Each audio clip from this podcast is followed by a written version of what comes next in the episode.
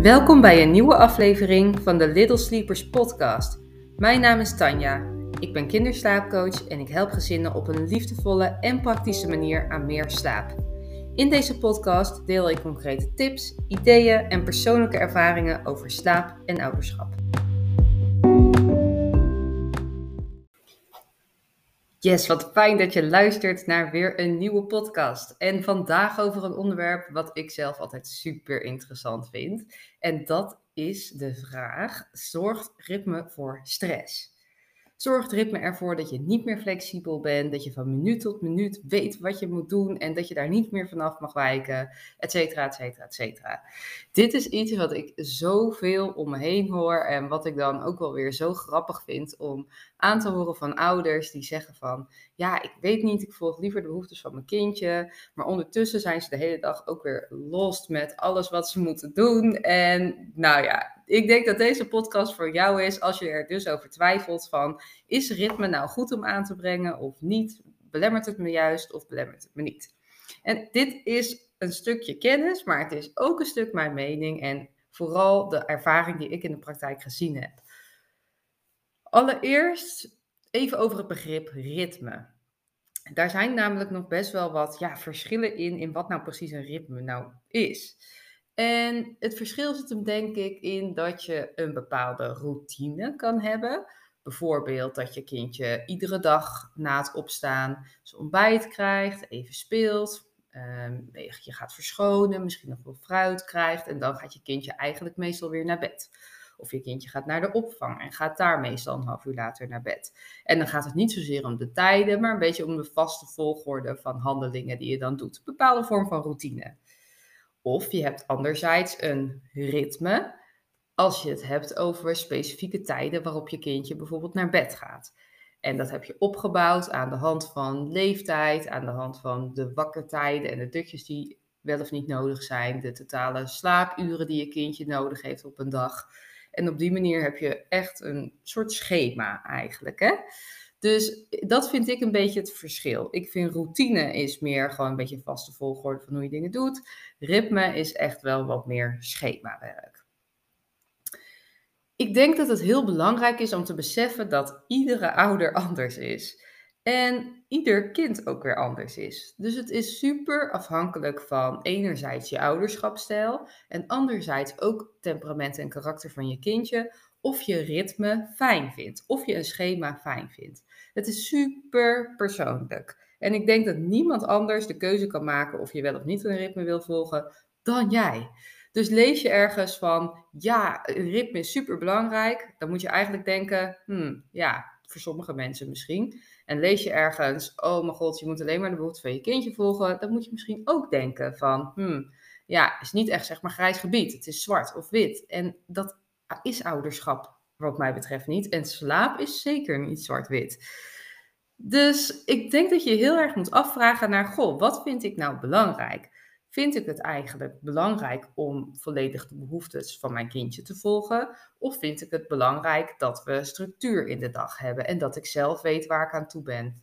Heb ik het idee dat mijn kindje het prima zelf aangeeft wat hij of zij nodig heeft? Of heb ik het idee dat mijn kindje wat meer sturing nodig heeft, omdat mijn kindje bijvoorbeeld veel verdrietig is of oververmoeid lijkt? Het is zo dat de meeste ouders die bij mij terechtkomen vaak een kind hebben wat temperamentvol is. Zijn kinderen die willen sneller staan dan dat ze eigenlijk kunnen. Die willen het liefst, als ze net kunnen rollen, ook al gaan lopen. Die gaan alles in volle kracht in en die zijn super enthousiast, heel vrolijk. Maar de keerzijde is dat ze ook tot rust gebracht moeten worden. En als dat niet gebeurt, heb je een oververmoeid kind. Dat zijn de kinderen die echt wel heel goed varen op een strak ritme. En het woord strak, dat klinkt een beetje alsof je echt een soort uh, de teugels aantrekt. Maar ik bedoel eigenlijk dat, je, dat het belangrijk is om je kindje kaders mee te geven. En zo mag je het ook zien. En dan klinkt het wel weer heel erg anders. Als je merkt dat je non-stop naar de klok aan het kijken bent van, oh, moet mijn kindje alweer naar bed? Of, oh, mijn kindje slaapt nu al zo lang, ik ga het nu wakker maken. Uh, of, oh jee, nu is het een half uur, oh, ik ben bang dat hij of zij wakker wordt. Dan moet je sowieso even bij jezelf bedenken, dit gaat niet goed. Ergens mis ik hier wat. Want het allerbelangrijkste is wat mij betreft dat je kijkt naar de slaapsignalen van je kindje. Dus ook als je een bepaald ritme wil gaan aanhouden, is wat mij betreft jouw kindje en het aangeven van de slaapsignalen altijd leidend. En wat ik aangaf, hè, bij een temperamentvol kind, dan zie je de signalen vaak niet zo goed. Die lijken niet moe, die gaan maar door en dan is het ineens bam, verkeerd en dan zit je een soort van in de penarie. Maar er zijn ook heel veel kinderen die prima slaapsignalen aangeven en die een veel kortere wakkertijd nodig hebben dan de schema's aangeven. En daarbij is het heel belangrijk dat je uiteindelijk je kindje volgt. Dus die slaapsignalen gaan wat mij betreft boven welk ritme dan ook. Als je het hebt over ritme, wordt er heel vaak gedacht dat ritme je een beetje beperkt. Dat je dus niet meer flexibel bent, dat je niet meer je kindje volgt, dat je aan vaste tijden vastzit, dat je dus niet meer met je kindje kan gaan lunchen op het terras, want je moet je aan de slaapjes houden. En ik denk dat dat ook een beetje momshaming is af en toe. Dat er wordt gezegd van, oh nou, zij die, uh, uh, puntje, puntje, puntje, die, uh, die, die wil vast wel niet meer lunchen, want die moet een kind zo nodig weer op bed hebben hoor. Nou, ik nam mijn kind altijd gewoon mee ik hoor het mensen echt af en toe nog zeggen. En ik vind dat zo zonde, want het is heel erg vanuit je eigen perspectief bekeken als je zo denkt. Hè? Want voor de een, uh, sommige kinderen kunnen makkelijk over die wakkertijd heen gaan. En die zitten misschien uit, van nature al in een heel goed ritme. Dus kunnen heel makkelijk zo'n uitstapje maken zonder daar compleet over vermoeid van te raken. Maar als je als ouder te kampen hebt met structureel slaaptekort en je weet dat een ritme werkt voor jouw kindje, ja, dan ga je het risico echt niet nemen om met je kindje op een terras te zitten die daar niet gelukkig van wordt en waar je vervolgens de rest van de middag en de nacht uiteindelijk de ellende van hebt. Dus wat mij betreft is het in de praktijk juist heel anders. Ritme kan er juist voor zorgen dat je kindje in een fijne flow komt. En je matcht de behoeftes eigenlijk aan de leeftijd van je kindje. En omdat er dus wat meer structuur komt, ervaar je zelf ook veel meer rust. En ervaar je zelf ook veel meer ruimte in de dag. Want je weet van, oh, op dit moment slaapt mijn kindje. Dus nou, kan je wat voor jezelf gaan doen. En ik zou je adviseren om lekker te chillen in plaats van je huis te schoonmaken. Maar hey, wie ben ik? en je weet ook wanneer je kindje wakker is en je dus lekker op pad gaat. En wanneer je dus lekker, op, lekker met je kindje één op één dingen kan gaan doen. En alle tijd en aandacht en liefde daarin kan stoppen. Of lekker samen je huis kan gaan schoonmaken. Hè? Want ja, ergens moet dat vaak wel gebeuren, helaas. Dus juist met ritme en structuur ervaren veel mensen vaak uiteindelijk meer rust en ruimte. Maar nogmaals, voor iedereen super persoonlijk. Maar het ritme moet er dus niet voor zorgen dat jij op een bepaalde manier stress hebt. Dat je denkt, oh jee, ik moet hier aan vasthouden, want anders dat. Dat is echt een kwestie van ervaring en vertrouwen opbouwen. En dat wordt steeds makkelijker hoe ouder je kindje wordt. Dan wil ik gewoon even twee korte dilemma's die met ritme te maken hebben, even nu aan je terugkoppelen. En de eerste is: maak je je kindje wakker of niet? Ook hier geen ja of nee. Maar het is vaak als je ritme wil creëren wel heel belangrijk om bepaalde stappen te gaan zetten. Het gebeurt niet vanzelf. Dus als je het gevoel hebt van, nou, mijn kindje zou goed gaan op een bepaald ritme en ik vind dat zelf ook prettig, dan kan wakker maken, het wakker maken van je kindje er soms voor zorgen dat je uiteindelijk rustig aan in zo'n goed ritme komt. En het voelt vaak de eerste dagen vervelend, hè? want waarom zou je een kindje wat misschien al niet zo lekker slaapt wakker maken? Maar uiteindelijk zorgt het er vaak voor dat je kindje dan van nature in een bepaald ritme komt. Hè? Dus als jij je kindje structureel een aantal dagen lang bijvoorbeeld een, na een uur slapen wakker maakt, dan zal je merken dat het lichaam van je kindje daaraan gewend raakt en op een gegeven moment dat in het systeem zit en daar gewoon een dutje van een uur doet. Dus ja, je forceert iets en sommige mensen zullen het daar niet mee eens zijn. Maar uiteindelijk doe je het natuurlijk met de beste intenties voor je kindje. Dilemma 2. Laat je je kindje uitslapen of niet? En ook dit is weer geen zwart-wit antwoord. Hè? Ik zei het al eerder. Maar kinderen die in een heel relaxed ritme zitten, waar je helemaal geen zorgen over hebt, en die slapen elke ochtend tot 8 uur of half 9 en zijn de rest van de dag vrolijk, gaat allemaal prima. Nou, die zou ik lekker laten uitslapen hoor. Geniet er maar van.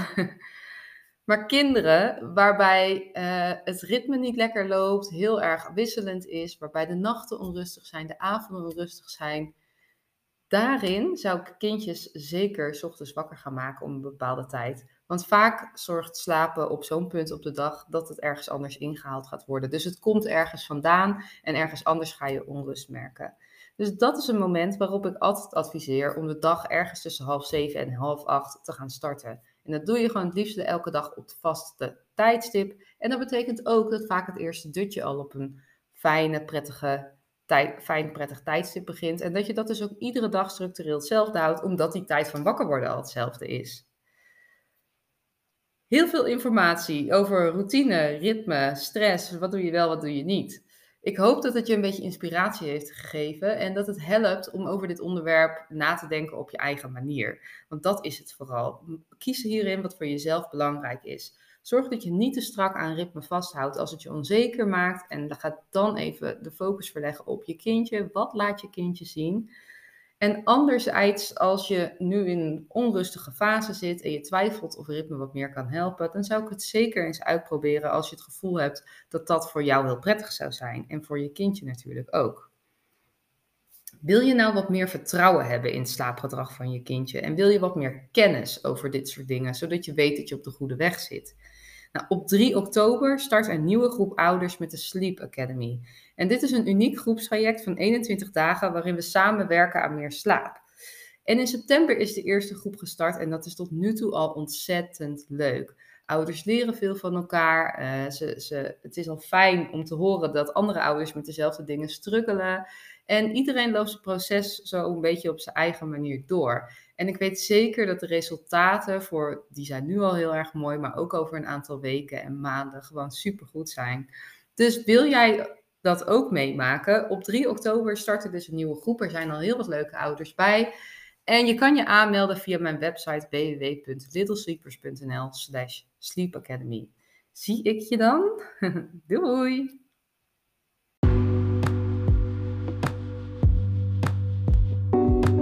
Onwijs bedankt voor het luisteren. Hopelijk heb je veel ideeën om meer rust en energie te creëren voor jouw gezin. Laat het me weten. Deel iets over deze podcast op social media of tip hem bij je vrienden. Graag tot de volgende keer bij de Little Sleepers podcast.